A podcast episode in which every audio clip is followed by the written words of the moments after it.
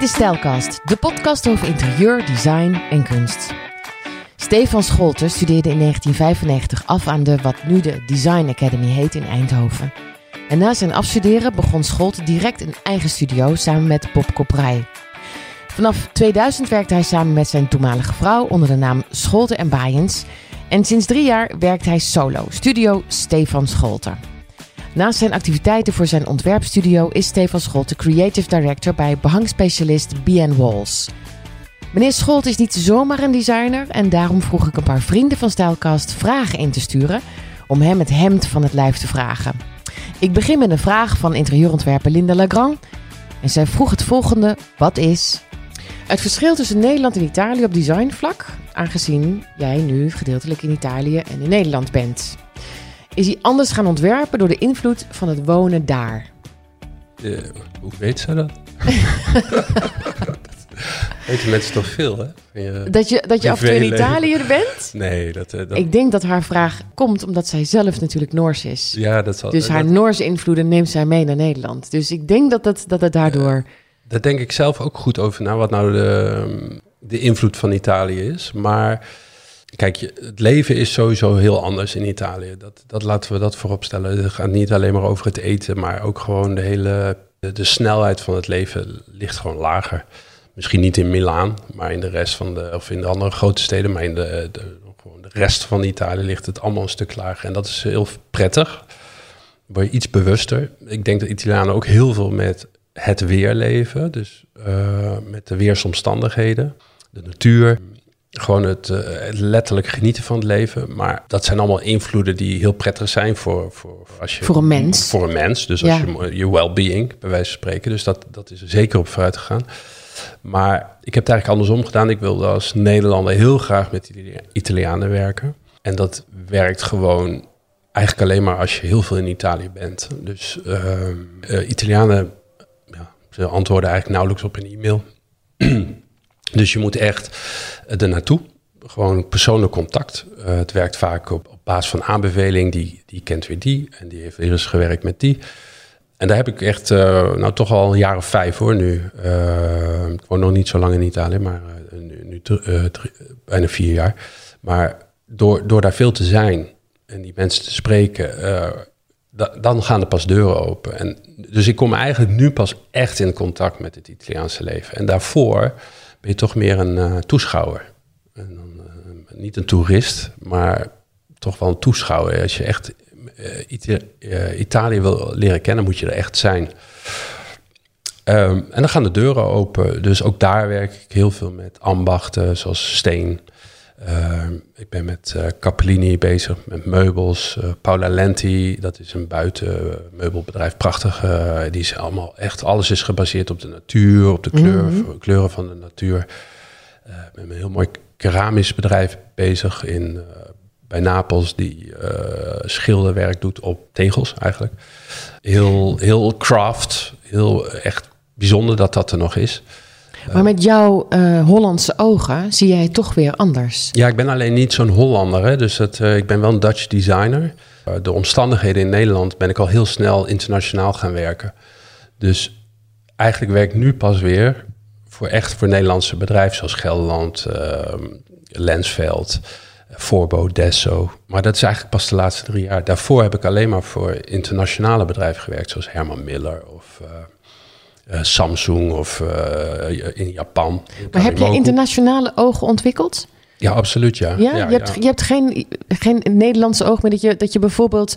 Ik, ik had net iemand aan de telefoon, die zit in India... en die, ik zei, wil je voor mij dat zo'n bandje meenemen... die je krijgt als je een tempel ingaat? Die kleur rood vind ik fantastisch. God, zegt ze, dat heet maroon. In, in, terwijl hier is maroon eigenlijk meer een soort herfstkleur. Dat is ja. helemaal niet de kleur die ik bedoel. Het is een soort diepe, prachtige rode kleur. En dat bedoel ik met dat je bepaalde Europese of Nederlandse ogen hebt...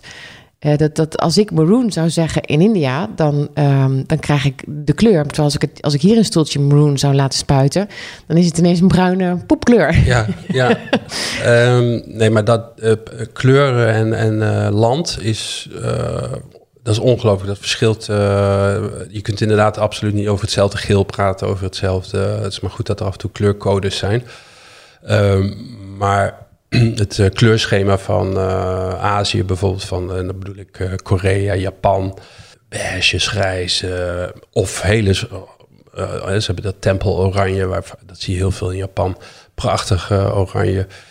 dus elk gebied heeft zijn eigen kleurprogramma. Ehm, zeker ook Amerika dus daar, daar, heb ik heel veel van geleerd. Door heel veel te reizen hoor. Dus gewoon letterlijk te zien ja. hoe interieurarchitecten, architecten. Maar ben je er dan al van bewust wat voor kleurenprogramma jij in je hoofd hebt? Doordat je zoveel hebt gezien? Weet je nog waar het vandaan komt als je aan een bepaalde kleur denkt voor een object?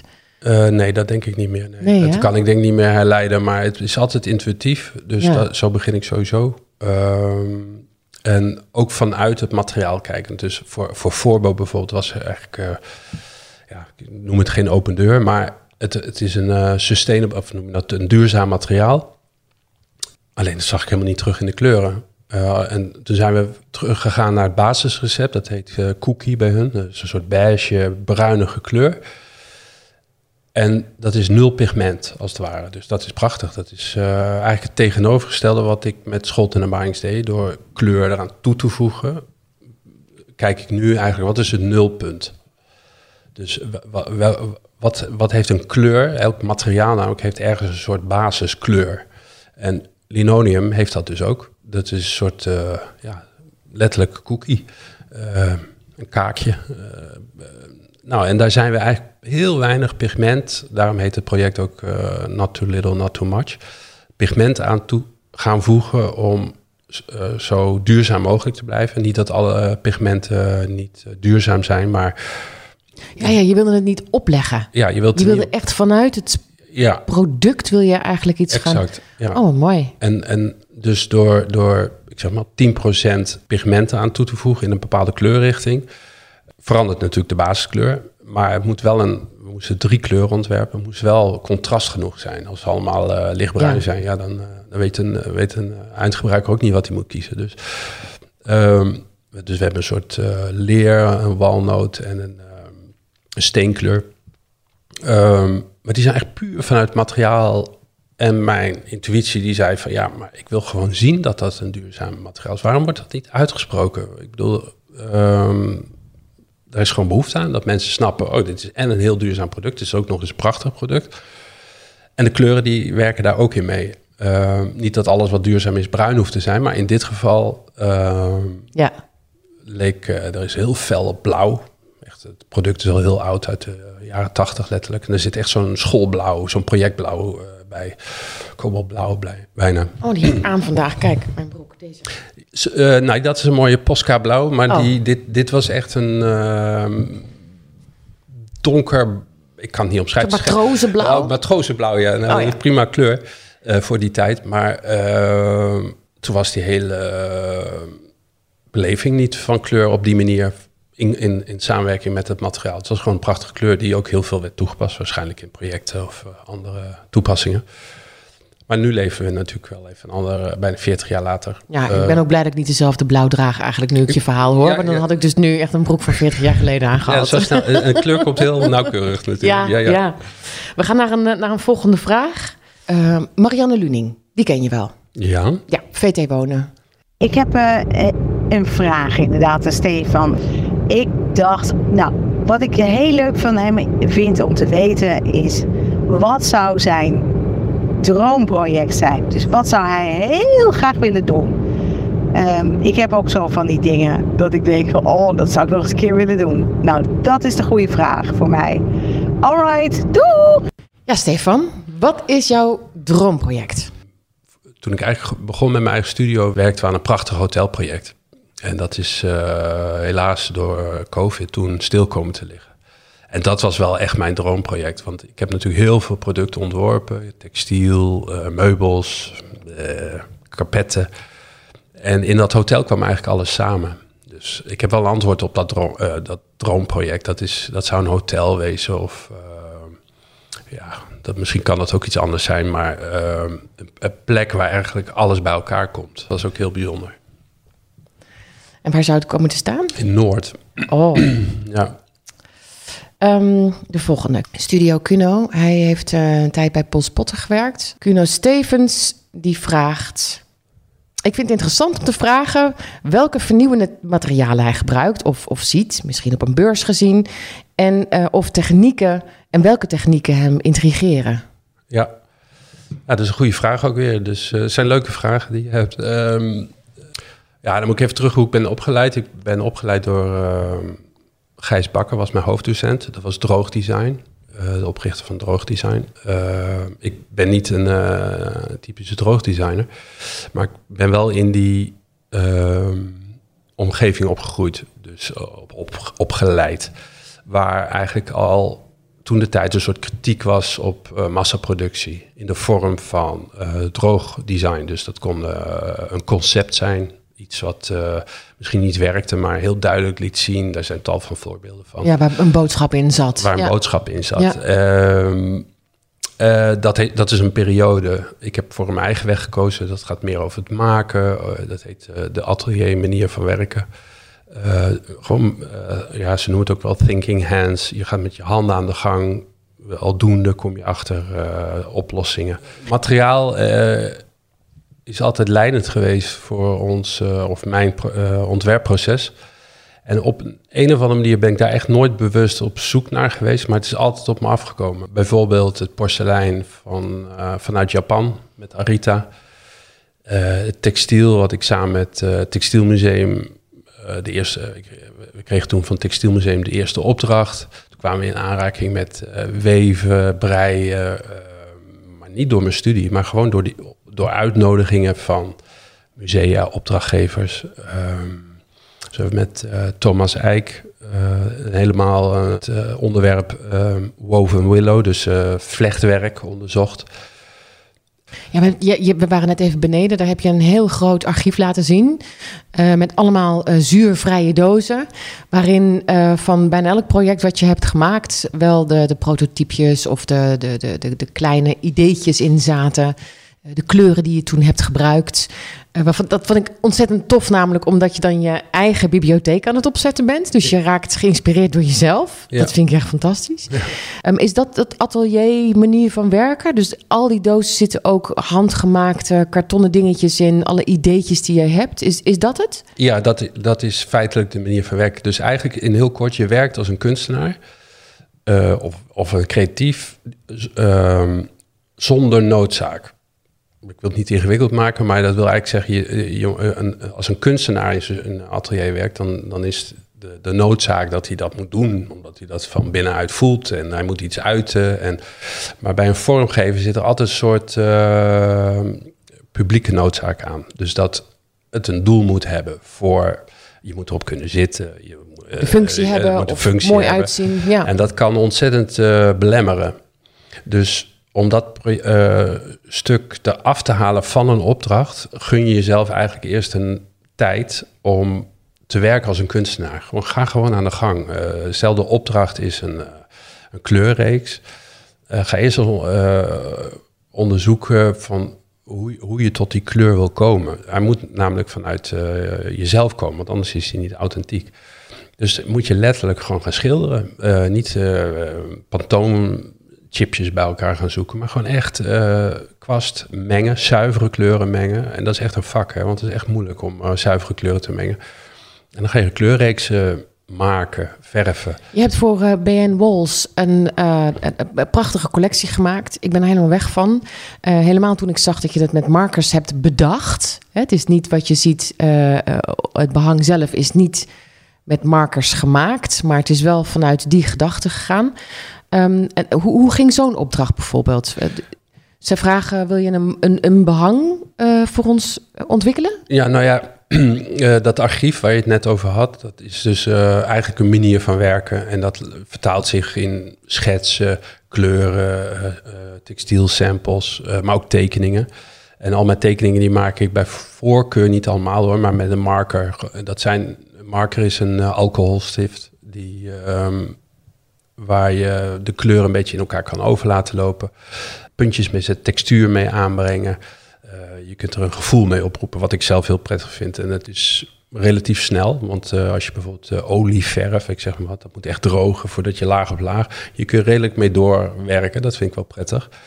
Dus voor BN was ik gevraagd om een collectie te ontwerpen. En ik ben eigenlijk gewoon teruggegaan naar mijn eigen handschrift. Dat leek me Oh, wel- dit, wacht, dit gaat te snel. Want zij vragen ook niet in kleur. Je, je, gewoon carte blanche krijg je dan. Ja, ja, feitelijk wel. Ja, de, eh, dat is het voordeel als je op een gegeven moment een soort naam hebt. Dan word je gewoon gevraagd voor een samenwerking. Eh, maar meestal zijn natuurlijk wel fabrikanten in een bepaalde richting. Dus Maar ik vond het toch opvallend. Want ik ben even in, het- in de fabriek geweest eh, van de week... om te kijken hoe het wordt gemaakt. Fantastisch om te zien trouwens. En heb jij gekeken wat de in-house designers maakten daar? Heb je goed gekeken, eerst ge- bestudeerd van... nee, nou, dit is wat zij maken, dan Ja. moet ik iets anders. ja, eh, zeker ja. Dus ehm, ehm, eh, nou ja, bijvoorbeeld één ding. Ik kijk nooit naar trend. Ik volg geen trends. Ik probeer gewoon zelf niet trendzettend te zijn. Maar ik bedoel dingen te maken die nogmaals authentiek zijn. En dan vervolgens in trends worden opgenomen. Dat gebeurt wel. Maar ik bestuur niet, bestuur niet wat eh, de huidige kleurenstellingen zijn. Of dat dat nou eh, past in eh, seizoen eh, 2025 of zoiets. Dat, dat, dat werkt niet. Niet voor mij in ieder geval. Ehm, dus ja, als je het dan heel dicht bij jezelf houdt, dan, ehm, dan is dat eh, sowieso al afwijkend dan wat zij doen. Wat eh, het in-house design team eh, doet. Maar ik spreek een beetje met dubbele aandacht natuurlijk voor dit onderwerp. Want ik ben ook uiteindelijk creative director geworden voor, de, voor, de, voor BN. Voor de Oh, oké. Ja, nou, die, had ik even gemist. Maar wat maar leuk. ik ben Gefeliciteerd. ik ben begonnen als, eh, zeg maar, met de vraag om een collectie te ontwerpen. Ja. En omdat je ook vroeg van, eh, ja, heb je ook alles bestudeerd? En eh, ja, dat heb ik heel zorgvuldig gedaan. Ja. En dat viel ze op, dat ik naar de technieken heb gekeken, wat ze kunnen. En dat me opviel dat, ehm, dat ik graag zou willen zien dat je weer behang bijna papier is. Dat je het weer ziet als, eh, als papier. Want behang is geen papier namelijk. Het is een non-woven met kleurlagen erbovenop. Maar heel veel mensen denken gewoon behang is bedrukt papier. En, maar dat, is ook, dat vind ik ook mooi en daar wilde ik eigenlijk weer naar terug. Dus vandaar het tekenen, het tekenen op papier. En toen kwam de marker eh, waar, je, waar je met een markerstift op papier tekent. En toen dacht ik van ja, waar zijn, waar, waar behang is, eh, moet iets hebben wat op, heel dichtbij heel interessant is. En van ver af iets doet. Komt het ook omdat we een beetje van het... Nou, we zijn echt weg van het minimalisme. Ja. En, en we, we hebben een beetje de grijze tinten. Nou, daar zijn we ook doorheen gekomen. En, en de br- bruin tinten zijn nu lekker in. En dus er is ook wel weer een, een, een, een nieuw stapje nodig... Waar, Ja. waar we graag naar willen kijken. ja, Ehm, en ik vind het ook wel heel erg makkelijk, behang. Nee, behang was natuurlijk razend populair in de 60, 70 jaren. Weet je nog dus, wat er op jouw slaapkamer hing? Ja, eh jute. Oh ja, jute. Weet je dat met je vinger overheen Ja, komen? Ja, kun je met je vinger overheen en eh speltjes eh, achter Ja. eh, een plaatje ophangen. Maar dat kon je ook verven. Volgens mij heette dat rouwfase of ik weet niet wat het was. Maar, ehm, maar dat is heel, dat, dat, natuurlijk heeft behang ook een ontzettende ontwikkeling door, doorgemaakt. En wat is dan nu, nu nieuw, denk je? Wat, wat, waar vooral vallen we nu de, op? de, de technieken. eh, ik denk ook gewoon, eh, eh, ieder geval als ik voor BN spreek, ik ken natuurlijk alle fabrikanten wel, maar eh, als ik voor BN spreek, hebben we het heel goed opgedeeld in een aantal groepen. Ehm, en die groepen, eh, die hebben eigenlijk zo bedacht dat ze aansluiten bij, eh, bij interieurtoepassingen, waar, waar nu behoefte aan is. Dus zo'n groep heet bijvoorbeeld Structure, Pattern, Botanical en Monochrome. En monochrome zijn alle kleuren, botanical alles wat met bloem en plant te maken heeft. Dus we hebben het heel duidelijk eh, geordend, Eh, zodat je als een soort library, bibliotheek, kan je er doorheen. En mensen kunnen, sorry, mensen kunnen het gewoon eh, wat eenvoudiger toepassen. Als je nu naar een eh, behangzaak gaat, een specialist, er staan gewoon eh, 150 boeken. Ja, Verschrikkelijk. Ehm, ja, nou ja, zegt ja, absoluut dat. Want eh, na boek drie ben je helemaal murf. Dus we hebben dat eigenlijk helemaal opnieuw ingedeeld in, eh, we noemen dat binders. Dat je wat makkelijker door, ehm, stel je hebt als stel, je gaat met je kind op een zaterdag eh behang uitzoeken, eh, maar je ook niet de hele dag. Dan, dan kan die persoon vragen, die, die BN-merk kent, die kan zeggen van, nou, waar- wat, wat wil je nu eh, voor je interieur? Nou, ik wil iets met bloemen of ik wil iets met eh, kleur. Ja, Ja. ja. Huppakee, de juiste map meteen erbij en dan sla je alle andere onderwerpen eh, over.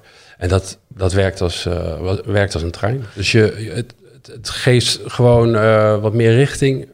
Plus de nieuwe technieken. Je kunt echt heel mooi gelaagd werken. Die, die lakken die zijn nu ook, uh, de, de verven die we gebruikt zijn op waterbasis. Dus heel mooi mat. Uh, prachtige kleuren. Het is heel intens. Alsof, het is eigenlijk verf op een rol. Hè. Zo moet je toch maar Ja, ja.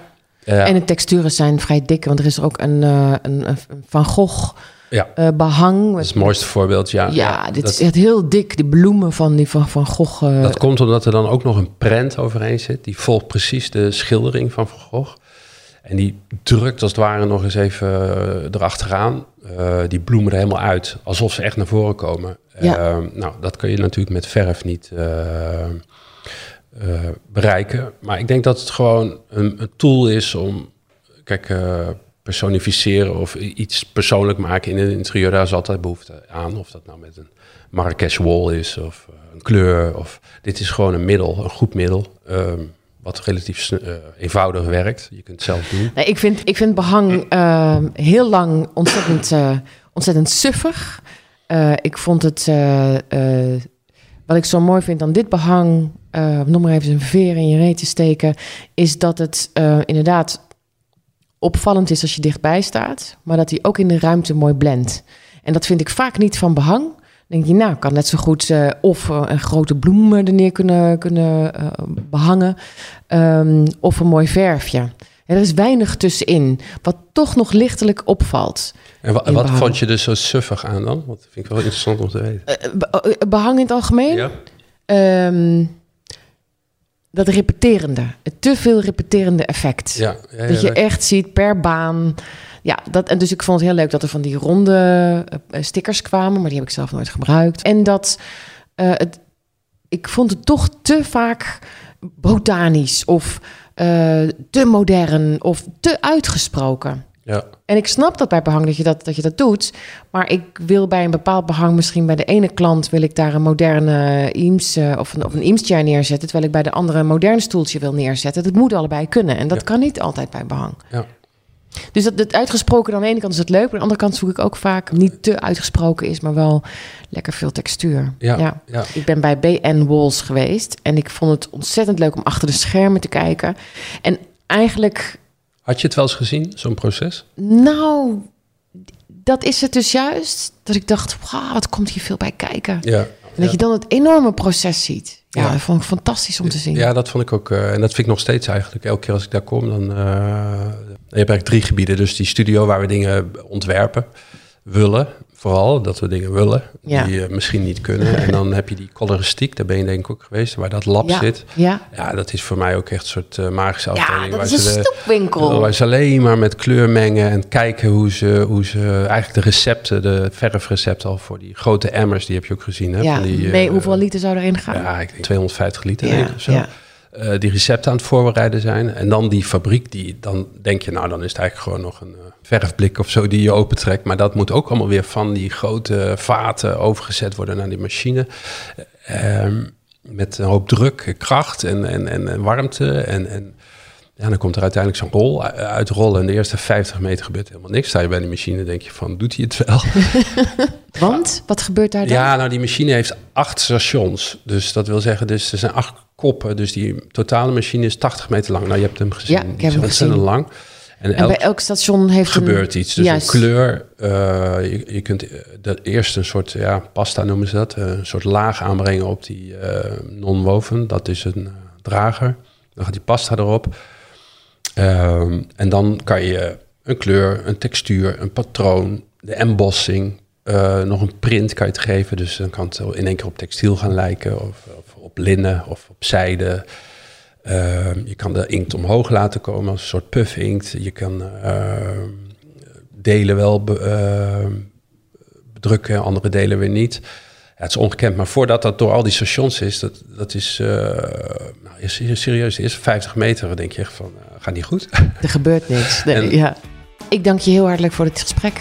Ik vond het een ontzettend leuk gesprek. Ik heb er heel veel van geleerd en erg van genoten. Dank je wel. Dankjewel, dankjewel. Leuk dat je luisterde naar Stijlkast. Kijk op de website van stijlkast.nl voor alle interviews en informatie over deze uitzending. Tot de volgende Stijlkast.